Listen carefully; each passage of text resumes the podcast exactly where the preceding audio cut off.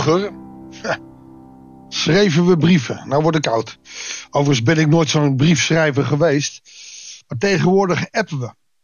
En de aanhef die we boven een appje zetten is oi of tjo. Of soms helemaal niet en we stellen meteen de vraag. Waarom? Heb jij, zal jij, wil jij? En WhatsApp is ook meteen een van de bronnen van negativiteit. Waarom? Omdat we het fatsoen kwijt zijn geraakt om elkaar aan te spreken. In de Bijbel wordt dat wel gedaan. Paulus begint zijn brief altijd met genade en vrede voor u, voor jou, voor iedereen die deze brief leest. Van God onze Vader en van Jezus Christus, zijn zoon in gemeenschap met de Heilige Geest. Of iets van die strekking. Wij vinden dat raar om zo te beginnen. Maar heb jij al eens een brief geschreven aan God? Natuurlijk heb jij wel eens een brief geschreven naar God. Misschien niet met pen en papier, maar elk gebed is een brief aan God. Alleen wij christenen hebben meer geprobeerd van gebed een Sinterklaaslijstje te maken. Hier, we komen tot u. Wilt u dit, wilt u dat, wilt u zus?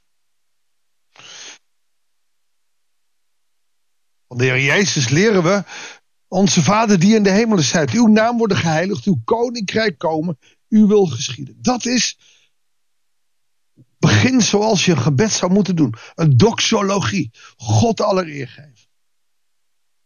Hoe doe je dat als je zelf in de ellende zit? Nou, geloven, daarin moet je soms tegenbeten weten God groot maken. Een doxologie. Begin je gebed eens met een doxologie. En dat lezen we ook in de psalm die we vandaag en morgen gaan lezen. Goeiedag, hartelijk welkom bij een nieuwe uitzending van het Bijbels dagboek. We kennen het verhaal van David voordat hij koning werd. Hij moest vluchten, ook voor Saul. Terwijl hij zijn tienduizenden verslagen had, was zijn eigen koning achter hem aan. David zit in de ellende. En toch begint zijn gebed met een doxologie. We beginnen te lezen Psalm 18. Voor de koorleider van David, de dienaar van de Heer. Hij sprak de woorden van dit lied tot de Heer toen de Heer hem aan de greep van zijn vijanden ontrukt. Ook aan die van. Hij zei, oftewel, hij is wel net bevrijd. Maar de psalmen leren ons ook in de diepste ellende tot hem te komen.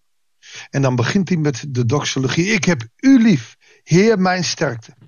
Heer mijn rots, mijn vesting, mijn bevrijder. God mijn steenrots, bij u kan ik schuilen. Mijn schild, kracht die mij redt. Mijn burcht. Ik roep, geloof zij de Heer, want ik ben van mijn vijanden verlost. Zoals een gebed begon. Dit is toch een doxologie. En dat mag je met je eigen woorden, Heere God. Uw naam zij geloofd en geprezen, van nu aan tot in eeuwigheid. U die mijn God bent, en ik snap niks van u, maar u bent altijd bij mij. Iets in die trant. Maak God groot. Want op onze lofprijzing stoelt zijn troon. Hij bouwt zijn koninkrijk, zijn troon op deze wereld op onze lofzang. En als hij zijn troon bouwt op jouw lofzangen, zal jij ook van zijn genade kunnen proeven. Zelfs als jij het even niet ziet zitten. Misschien wel juist dan. Juist dan de doxologie. Nou, eigenlijk heb ik al genoeg gezegd.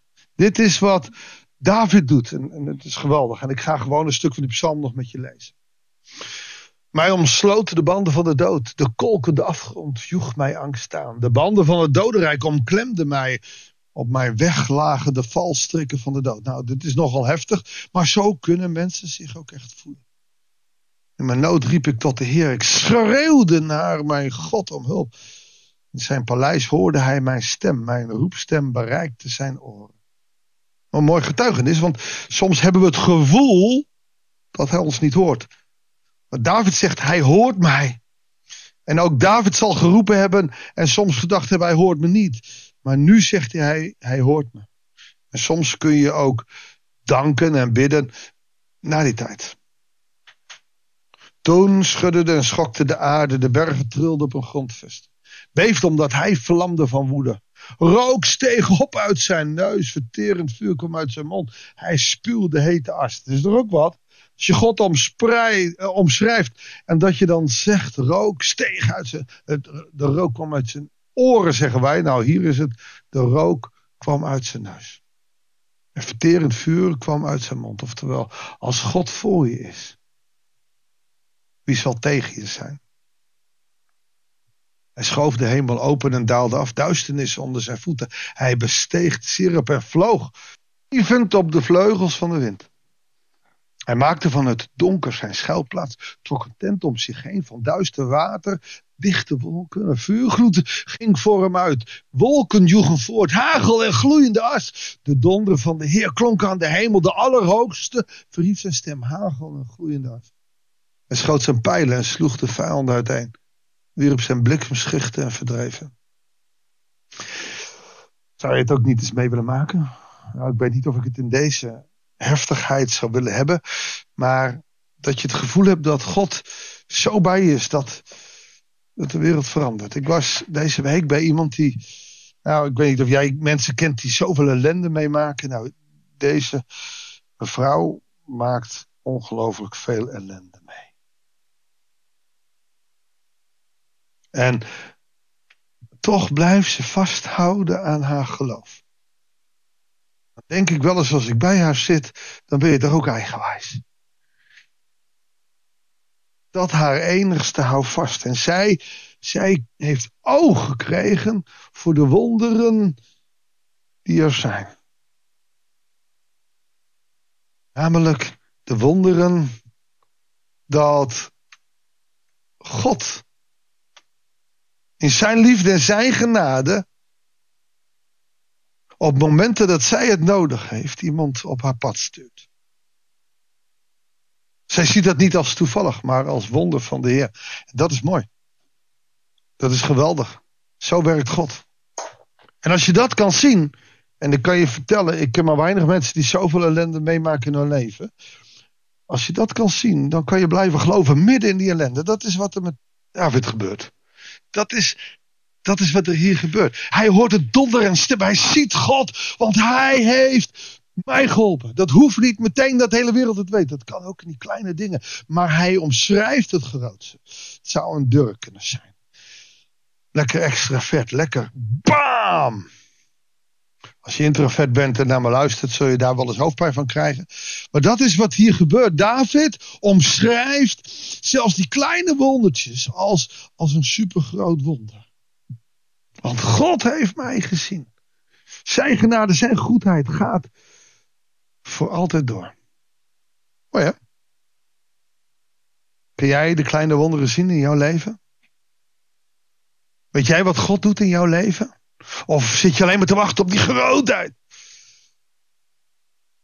Valligheidjes die jij meekrijgt midden in die ellende. Als je die kan zien. En als je dan het over je lippen krijgt om een doxologie te doen voordat je die hele lijst gaat opzetten. Als je eerst God als groot maakt in wie hij is voor jou. En misschien daarna ook nog eens eerst begint met dankgebed. Dus weten wat voor wonderen dan in jouw leven gebeuren. Het zal groot zijn. Zullen we samen daarom bidden? In uw naam zij geloofd en geprezen, want uw koninkrijk is niet alleen van de hemel, maar over deze aarde. U bent koning van ons leven. En heel veel mensen weten dat niet, maar uw macht is groter dan welke machthebber op aarde. Heere God, als u het zegt, zullen wij als verteerd gras slechts stoppels overblijven. Omdat uw macht zo groot is. Heere God, en wij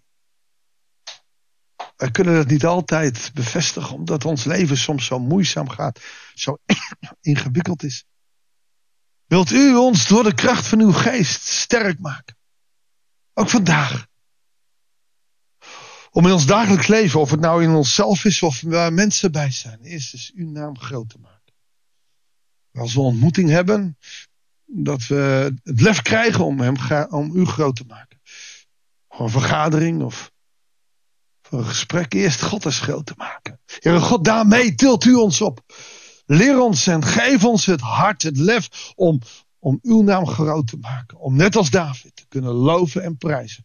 Ook al is het soms moeilijk. We danken u dat u dat wil doen in ons hart. En we willen ons ervoor openzetten. In Jezus' naam. Amen. Dankjewel voor het luisteren. Ik wens je God zegen en heel graag tot de volgende uitzending van het Bijbelsdagboek.